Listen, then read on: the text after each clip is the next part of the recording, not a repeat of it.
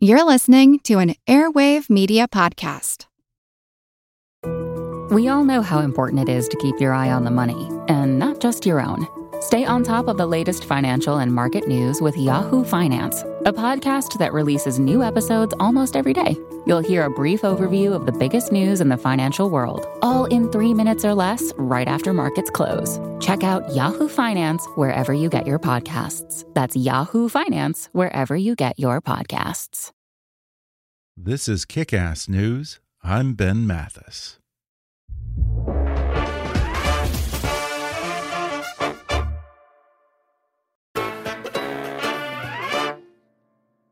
On October 2nd, 2018, Saudi dissident and Washington Post journalist Jamal Khashoggi entered the Saudi Arabian embassy in Istanbul to pick up documents for his upcoming wedding. While his fiancee nervously waited outside for hours, Khashoggi was ambushed, suffocated, and dismembered by a 15 member squad of Saudi assassins. The official line from the Saudi government was that it was an unfortunate accident but investigations by the Turkish police and the United Nations, as well as human rights organizations, the U.S. Congress, and virtually every member of the global free press, determined that it was a deliberate execution ordered from the man at the very top, Saudi Crown Prince Mohammed bin Salman, often referred to simply as MBS. Now, Academy Award winning director Bryan Fogel unravels the deeper mystery surrounding Khashoggi's murder and the extraordinary efforts that MBS will take to silence his critics in a gripping new documentary thriller called The Dissident. And today, Bryan returns to the podcast to discuss how Jamal Khashoggi went from being an insider in the Saudi royal family to a harsh critic of the House of Saud, what he learned from friends, allies, and the fiance of the Saudi dissident, and how a sophisticated cyber hack and the ultimate Twitter war put Khashoggi squarely in the crosshairs of MBS.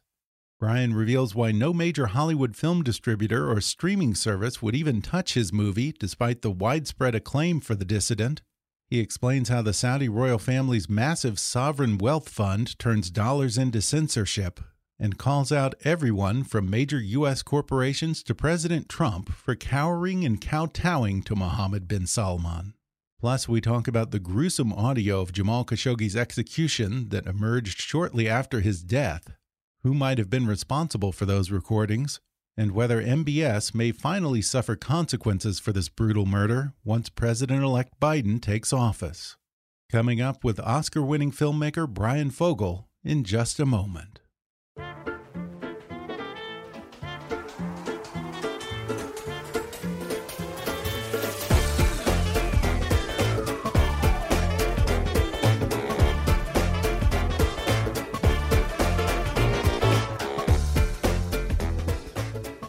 Today, I'm happy to welcome back to the show Bryan Fogel, the Oscar winning filmmaker behind the 2017 documentary Icarus, which blew the lid off of Russia's state sponsored Olympic doping program.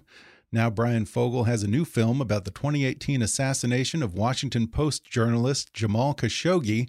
The movie is called The Dissident, and it's showing in theaters currently and available on video on demand January 8th. Bryan Fogel, welcome back, man. Uh, good to be talking to you again, Ben. Thanks for having me. Yeah, last time we spoke just before Icarus came out, and I'm so thrilled to now welcome you back as an Academy Award winner. I mean, that must have happened fast to, to get all these awards and acclaim on, on your first documentary effort, in fact. So has it been a pretty quick ride? Yeah, it's uh, uh, surreal and um, I'm very, I'm very, I'm very humbling. Um, yeah, I'll bet. You know, you uh, going through that experience and what really was, you know, uh, like a, a nine month kind of award campaign leading up to the Academy Awards. Um, by the time I got there, I felt like there was a an elephant on me, and uh, um, and to uh, have such an accolade is very humbling, and um, yeah, and uh, I I continue that. You know, you always hear I'd like to thank the Academy um, and now I and now I understand what that means. Um, and uh, yeah, and you might be saying it again soon. So because now you're out with this new documentary, The Dissident, about the assassination of the Saudi journalist Jamal Khashoggi. Uh, what interested you in this story? Um, you know, follow, following Icarus, um, I, I, I felt that I, I, a burden, uh, a, a, moral obligation to continue uh, to tell stories mm-hmm. um, that resonated in truth and impact, and and and the journey of Icarus. You know, when you take out the filmmaking of it, was uh, essentially uh, uh, helping to save a man's life uh, protecting a whistleblower, bringing him into protective custody, uh, working with law enforcement agencies, and uh, and uh, and the fallout of this huge global scandal that was not only real. Um, you know, his life, Gregory's life, uh, is and was uh, to this day under threat and in jeopardy, and and uh, when I've been able to communicate with Gregory over the last few years through his lawyers or through security, the conversation always starts with, Hey, Gregory, how are you? And he goes, I'm alive. and I go, That's great. And he goes, You know, yeah. Bryan, Bryan, you saved my life. And uh, and yeah. as silly as that wow. sounds, um, I took and take that very seriously. Um, and so I was trying to figure out what that next film was going to be, what that next story was going to be that I could go fully into, that I could um, immerse myself in, and um, and as the murder of Jamal Khashoggi uh, unfolded in the media those first two weeks of October 2018, um, it checked all these boxes, you know, and that I had set as, set out, you know, in my, you know. Uh, mind of, of, of the story that I would want to tell it. Human rights, freedom of press, freedom of journalism, freedom of speech, um, a, a dissident being silenced for having an opinion. Um, eh, Hatice his fiance, um, and her emotional toll to basically not only come to grips with this horrendous murder, but then to carry on his voice and become uh, his fighter for truth. Uh, Omar Abdulaziz, the young Saudi dissident living in Montreal in self-exile, who not only you know blames himself for Jamal's murder because of the work that they were doing, but he himself has his brothers imprisoned and being tortured, and his friends imprisoned with no charges simply for knowing him. Um, and then, of course, the what has come of this, which is you know no action, no accountability, no no punishment, essentially because money and power um, trump uh, truth and human rights. And so, yeah. it, as I dove into this, and I really started um, uh, very like literally uh, the day that Saudi Arabia finally admitted uh, to murdering Jamal or killing, or that he died in the consulate uh, was the day that I decided I wanted to see if I could make this film. And it really hinged on whether or not Hatice, Omar, and ultimately the Turks, the Turkish government, um, would participate and grant me that exclusive access and information and evidence uh, that would allow me and my creative team um, to tell and craft this story and go on that journey. And one of the consistent themes in the movie is the unwillingness of so many people, particularly uh, uh, major authority figures, even the president of the United States, to speak out against the Saudi government, which was blatantly behind this murder. I think that's been proven by now. Was it difficult to find people who were willing to put their face in front of a camera and speak out publicly against the Saudi government? Well, as you as you see in the film, um, the the the people that I have in the film is Hatice Cengiz, his fiance, right? I mean, that's uh, she mm-hmm. is she is speaking out not against the Saudi government. She is speaking out for justice for Jamal, for um, mm-hmm. for for punishment, for uh, some sort of some sort of consequences for this horrendous murder. Omar Abdulaziz has already been speaking out against the Saudi government, and and that is why they hacked his phone. That's why they hacked Jamal's phone. Uh, so this is what he's done. Uh, the Turks, you know, uh, have done everything they can to hold Saudi Arabia uh, and MBS and the kingdom accountable for this murder, um, which, uh, despite all of their efforts and, and evidence and the audio and you know and surveillance cameras, um, they have been completely unsuccessful in having you know any uh, meaningful impact or punishment for this crime. And then you know the others in the film are you know are, are Jamal's friends like Wadah Khanfar and Turan Kislakci. Uh, so you know so uh, those those are the people um, that are you know are, are a part of the film, which is you know Jamal's friends and those and people that loved him, and and the Turks who investigated his murder. Uh, yeah, and you mentioned the tapes. Uh, shortly after the murder, the CIA announced that they had audio of the execution that was handed over by the Turkish authorities. You included excerpts from the transcript of those tapes, and I'm curious: have you had an opportunity to personally listen to the recordings, and if so, what was that like? Um, about a, uh, I spent seven months in Istanbul, and you know, uh, back and forth to Ankara, where the seat of government is, in making this film in 2019, um, and uh, built a lot of trust uh, with the Turkish government, and uh, and and what you see in the film, uh, which you know a lot of people would would not be aware of, is the president's spokesman, Fahrettin Altun, has never spoken about this case or murder publicly other than in this film. Um, the police, the CSI investigator, Recep, and, and the chief prosecutor, uh, Irfan Fidan, or the justice minister, Abdulhamit Gul, I mean, none of these people have, have spoke on camera uh, about this murder. And so this is, this is not only exclusive to the film, there are revelations in the film uh, that have not been made public. And one of the, the, the biggest pieces that I was able to get that CNN, the BBC, you name it, do not have is the Turks um, handed over uh, after about a year of working with them the 37 page transcript of his murder. Uh, and that transcript is, you know, uh, is all the audio that they deemed relevant in the days of planning the murder, the murder itself, and then the cleanup of that murder. And um, and they offered, um, as I was completing the film, to have me listen to the audio. And they even offered um, that they would provide some excerpts uh, from the audio, which they have not released anywhere in the world yet. But the Turks saw that this film could have a, a big global impact and if they were going to do it this would be a you know right medium to do it I, I made i made the choice instead to take that 37 page transcript and turn that into its own kind of scene uh, you know that unfolds like a thriller and you know edge of your seat but it's it's all real yeah.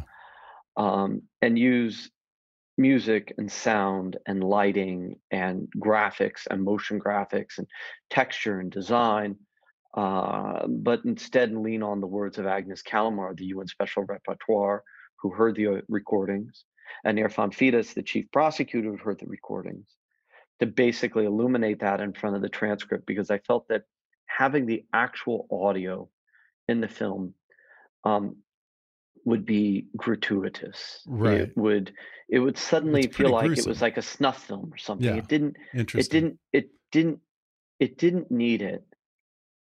And I also wanted to protect Hatice. Mhm. I didn't want her have to see that film and to hear that. Yeah. And and I think that the way that we've put that transcript together and that is incredibly impactful. And it just felt like that added audio um, Yeah. really wasn't necessary. And and one thing that I've never been clear on how did the Turkish authorities get a hold of the audio? Were these recorded by the Saudis and confiscated during the investigation? Was there a bug in the room or some kind of covert audio surveillance going on? Does anyone know? The Turks, uh, you know, look, uh, I think all intelligence agencies, Yeah. right, They're not saying. we'll never tell you how they got what they Okay. but they Fair got enough. it. You know I mean? And uh, and a meeting with the Turks. I mean, it was you know I I sat with Turkish intelligence, which was amazing. Yeah. I mean, I, because of Wow. relationships that were developed, and you know one of the meetings I came to, they showed up with like a, it was like a, a dossier, all you know, like with uh, uh, tabs in it, going, "What do you want to know?"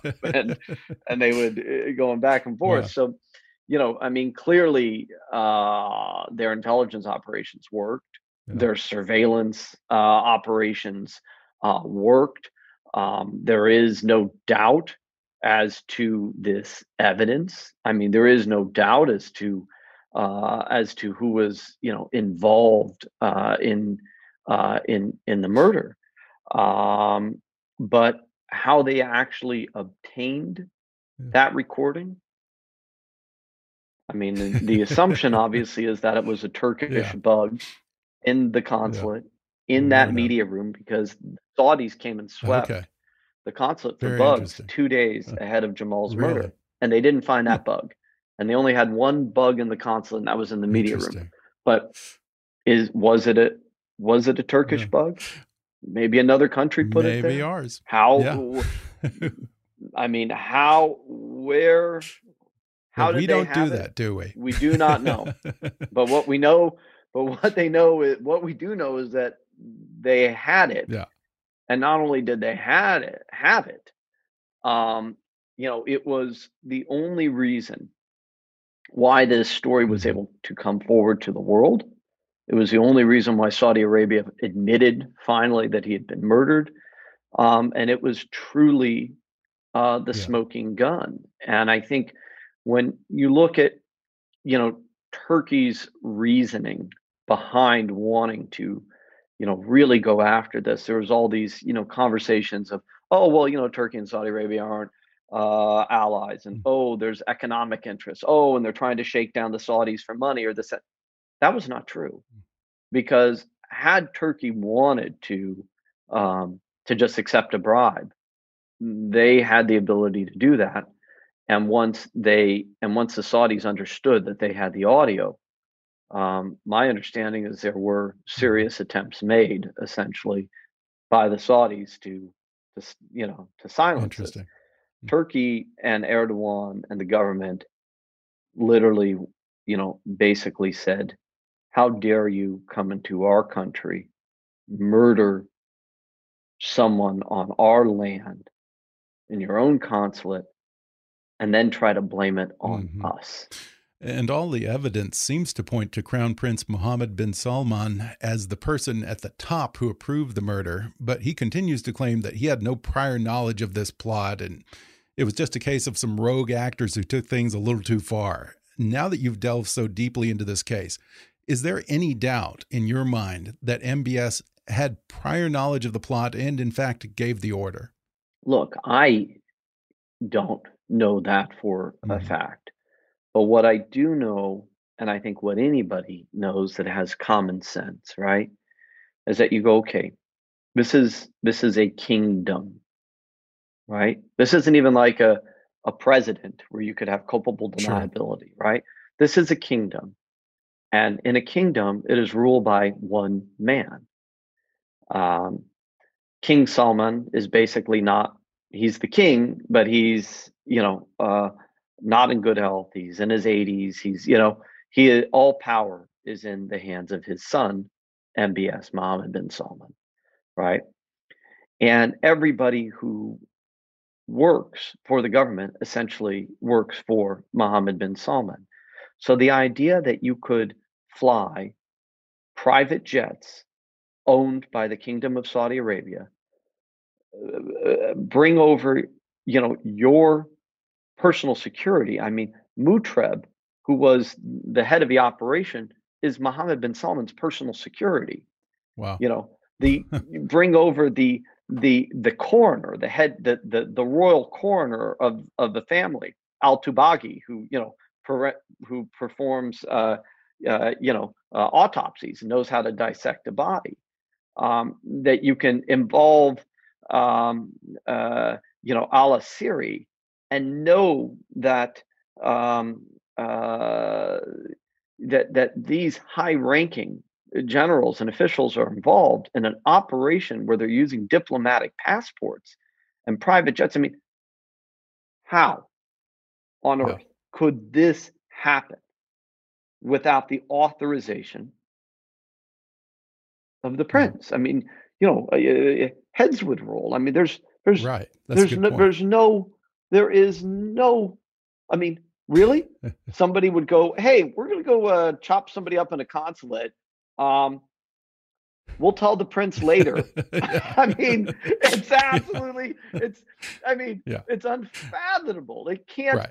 it's especially in that yeah, country. Off with your head. I mean, you could yeah. possibly have culpable deniability that, you know, mm. whatever. A top general made a decision to take out a target, a US target in in Iran or something, and then and then go back to, you know, Trump and say, "Hey, uh, we had a shot at Soleimani. Uh, we knew that you wanted him dead, and we yeah, took it. Interesting. And and there could be a world that you know that the president, you know, wasn't aware. This is not that situation, yeah. and uh, and and and and I think as the film lays out very clearly, um, you know, um, that sure you can always have deniability, uh, but I don't think that it is realistic. We're going to take a quick break and then we'll return with more when we come back in just a moment.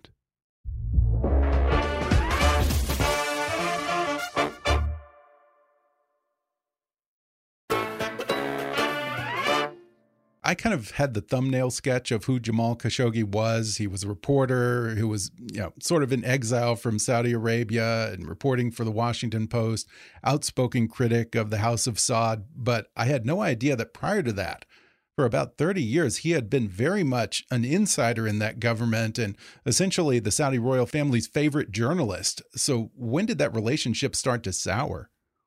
Well, I, I, as I think you you see in the film, right here, here's a guy that was educated in the West. I mean, he went to Ohio State. He was fluent in English.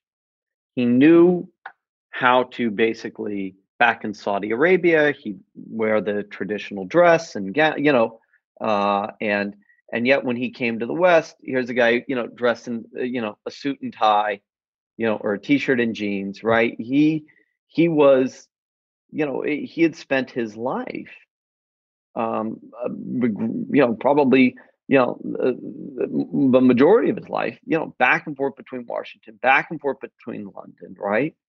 He understood how democracies worked. Uh, he understood how freedom of speech works, freedom of press, freedom of journalism. And he accepted that okay in my country it's not going to be like that um, but prior to Mohammed bin Salman taking power, as we see in the film, as he does this whole siege and arrests all of his family and anybody doing business in a mafioso style shakedown, where he brings them all into the Ritz Carlton and you know basically tortures them and basically you know goes, "You're going to give me half your money, or you're not leaving here." Um, that what happened with Jamal is suddenly he had accepted that there was a monarchy. He'd accepted this, but he had not seen these human rights violations like this. He hadn't seen this crackdown on any voice of opposition. He hadn't seen friends being arrested for having a difference of opinion. And and what we see in the film is basically Saud Al-Qahtani, uh, MBS's you know top advisor, calls Jamal and goes to him, "You are to be silent. Do not tweet. Do not write. Do not say anything. And if you do, we're basically going to arrest you. We're going to throw you into a jail. Uh, we're going to, you know, uh, and we're going to take out our vengeance on your family and you know and anyone who, and anyone else." And so Jamal made a decision as he saw his friends being arrested, as he saw what was happening in that country, to flee uh, to Washington, where he already had a home. I mean, he already owned a condo in, in Virginia, he had for years. Um, and then basically took a job writing for the global opinions for the Washington Post. And as he saw his country going down what he viewed the wrong path, and there was a story that I was told. Um, one of his very, very close friends was a guy by the name of, of Osama Zamal. Uh, again, he was educated in the West. He was going back and forth between Washington and New York. He was an economist, fluent in English, young guy. I think he's like 40 years old, wife, family back in Saudi, and uh, and he was writing about Saudi economic policy, and he disagreed uh, with Mohammed bin Salman's decision to bring Saudi Aramco public he disagreed with a lot of the kind of economic policies that were coming forward in Vision 2030 that he just didn't view as good for the country. And he tweeted about this. And Jamal and his group of friends were very concerned. He went back to Saudi. They told him, don't go back. He goes because his family's there. He thinks he's going to be okay. And the next day, they arrest him. Uh, Osama Zamal is still jailed um, facing all sorts of charges. And this arrest, um, as I was told through Jamal's friends, really changed Jamal from being, you know, he was writing still in support of MBS and going, hey, it can be better, but I really like MBS, to this arrest like like got him. And then his articles in the Washington Post and everything started to take a more um, aggressive stance in his writings and criticism of MBS, of Trump, um, of his policies, um, and really made him very vocal um, in in going, I I disagree. Um, and and what he was seeing, you know, was here's MBS, this great reformer, and they're spending hundreds of millions of dollars on you know American PR campaigns and lobbyists and stuff to show this guy as, you know, young, hip, cool guy who likes music.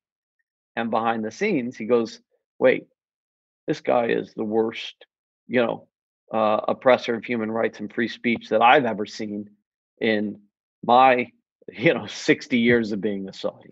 Uh, yeah, I think that's one of the great ironies of this story is that MBS you know, had built up this image of himself as a reformer and had, as you mentioned, this idea of Vision 2030 for a more liberalized Saudi Arabia. And he felt that Jamal Khashoggi was a threat to that, and that's why he had him killed. But by killing Khashoggi, he basically blew up Vision 2030 and destroyed his whole image as a reformer. You know, um, that's uh, that that's that's exactly right. And uh, and look, and this is and this has um, continued. I mean, uh, obviously, MBS's image has been greatly, um, you know, damaged as a result of the Khashoggi murder, uh, and clearly the the botching of this crime. But here we are, two years later, and there's still no punishment. There's mm-hmm. still no sanctions. Uh, all of these businesses and companies and corporations are still doing business with the Saudis just as they are the Chinese.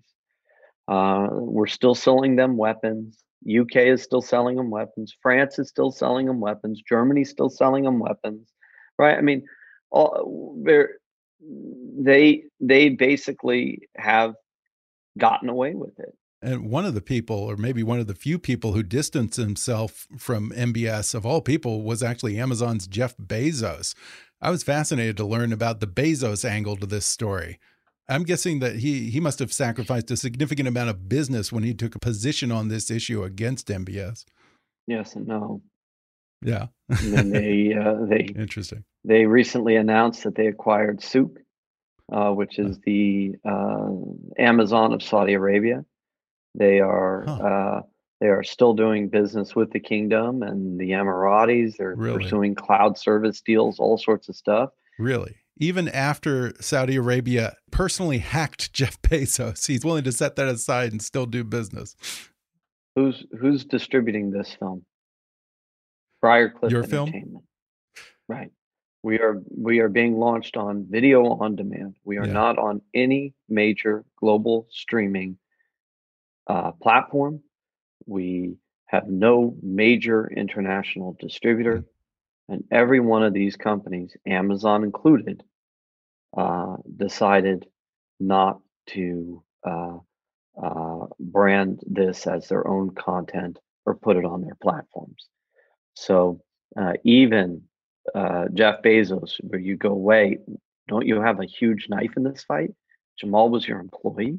He worked for the Washington, Washington Post. Post. He hacked your phone. If you would think that there would be one global distributor for this film, it would be Amazon. Mm-hmm.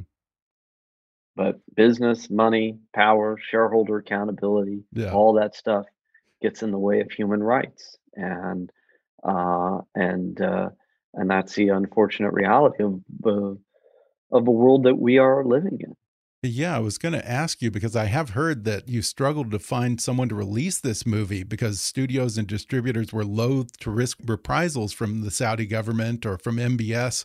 What specifically were they afraid of? Because, you know, Saudi Arabia just allowed cinemas, I think, two years ago. So, uh, what, what, what really do they have to risk? Are American movies even playing in those movie theaters? It, you can imagine watching The Dissident as the CEO or the buyer of a major media organization Mm -hmm. and going, wow, uh, John Brennan and Anthony Ferrante, the former head of White House cybersecurity, and uh, the head of FBI, former head of FBI cybersecurity, are telling me that Saudi Arabia has the best hacking tools in the world and basically are on par with anyone because of Mm. the money that they have. Oh, look what they did against Bezos on Twitter. They launched Mhm. a boycott of Amazon on Twitter. Look at the unfriendly Trump administration that is in bed with the Right. Saudis. Oh, they hacked the phone of the richest man in the world. Um, uh, you, you can imagine, you know, you know, you name it, CEO going, this is a terrible crime. This is a horrendous murder. Somebody should stand up for this, but that's not going to be me or my company. Right, right. No one wants to be the the next and- Sony hack, I guess. exactly. yeah. and and and that is the the problem that we're facing um, in this era of, of fake news in this divided country uh, in what has happened and you know in, in the trumpism of it where Mhm. where we're seeing that um, you know basically by lashing out at the media lashing out at the press um, you know denying denying truth no matter what happens railroading things that this has lasting effects Mhm. and I, and what i've seen you know from from the dissident for for example is that you know that the the netflix that distributed icarus is not the netflix of today Mhm. and uh and and they are a different company Mhm. um they have shown that themselves that they're not willing to take those risks anymore Right, right. With a Um, number and- of movies, in fact. and and and and this is and this is happening um not just to the dissident not just to me but to films that take on this sort of subject matter or content that you know that that the world that subscribers would want to see. We know that that you know that if this was on a major streaming platform that people would gravitate to it and watch it. It was uh, it was critically acclaimed. It's a thriller. It's a murder mystery. It's it was constructed with big sound and music and motion graphics and uh, you know this is this is not you know a, your run of the mill kind of news story. Um, yet yet there are other other interests um, being calibrated. And you know and obviously the sony hack and the fallout of that is has spooked a lot of these companies. Um, clearly the trump administration has spooked these companies. Mhm. um, and and clearly the desire for subscriber growth and business in that region and investment in that region uh, has spooked uh, these companies as well. And and you know the same can be said out of china too. I mean Right. I mean, we exactly. whoa. I mean, I mean, China is just as much, if not worse, of a human rights abuser uh, than than the Kingdom of Saudi Arabia. Yet they're all doing business with China. I mean, look what they did in Hong Kong. I mean, that's crazy. Yeah. But yet they're all still doing business with China. So, so what we're seeing is that business and money and shareholder value and all that, it just it very sadly trumps human rights and uh, and ultimately freedom of press and freedom of journalism and freedom of speech. And until those values realign, um, I think we're in for many more years of of stories that that tell truth to power, mm-hmm. struggling uh, to find big platforms. Yeah, yeah, it really underscores something that I've long suspected, which is that most governments care very little about human rights purely from a human rights standpoint. It's just a chit to be traded for something else, and it's almost always the first thing that they're willing to sacrifice. So I, I share a little bit of your cynicism in that regard. And I'm curious, knowing that Jamal Khashoggi and his friends and Jeff Bezos got hacked. Did you have to take a lot of extra security precautions when you made this movie? Did you encounter forces that didn't want this movie to be made and tried to stop you? Um, you know, we we did a lot of safe things, you know, uh, using burner phones, keeping our edit offline. Um, you know, I had security generally around me uh, mm. in Istanbul, or other, but you know, um, I'm I think of myself as a filmmaker, um, and uh, uh, and you know, as as a journalist and as an activist, but also um, as an American. And um, I believe that um, that in this country, right, we still um, are safe, and I would hope that we continue to be safe. Um, because you know you, you start going after the messenger. Well, where does it stop? Yeah, I mean there are thousands of journalists whether it's you know Ben Hubbard uh, at the at the New York Times or Shane Harris at the Washington Post or David Ignatius. I mean, you just keep going down and down and down that have that have written uh, critically uh, about MBS or Saudi Arabia or any sort of uh, government or uh, yeah. or human rights abuses. And so, um, uh, so if if if people like me need to look over their back, um, that's that's a scary day for all of us. Absolutely. Well, real quickly before we go, uh, Trump vetoed legislation passed by Congress, including many in his own party, that would have punished the Saudi government by canceling the sale of billions of dollars of weapons to them. Do you hope that the film might revive that legislation and put pressure on President-elect Biden to maybe make that finally happen?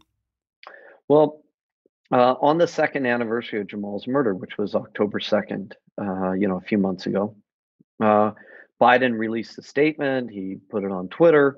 Uh, and to paraphrase that, and you could look it up, uh, he basically said, you know, uh, um, you know, whatever. My condolences to the friends and family of Jamal.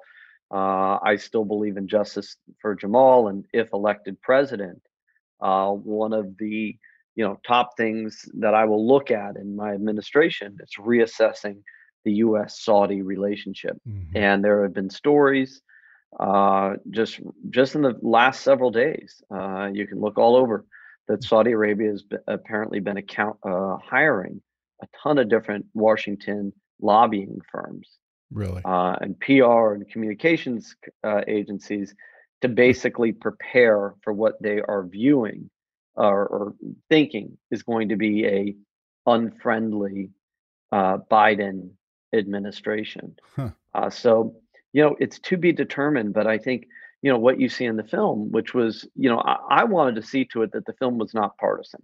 And so there's three U.S. politicians criticizing Trump. They're all Republicans. It's Rand Paul, it's Lindsey Graham, it's Bob Corker. Right. You know, uh, and and both the House of Representatives united and the Senate, united from both sides of the aisle, basically said, we want sanctions on Saudi Arabia and we want to block the weapon sales.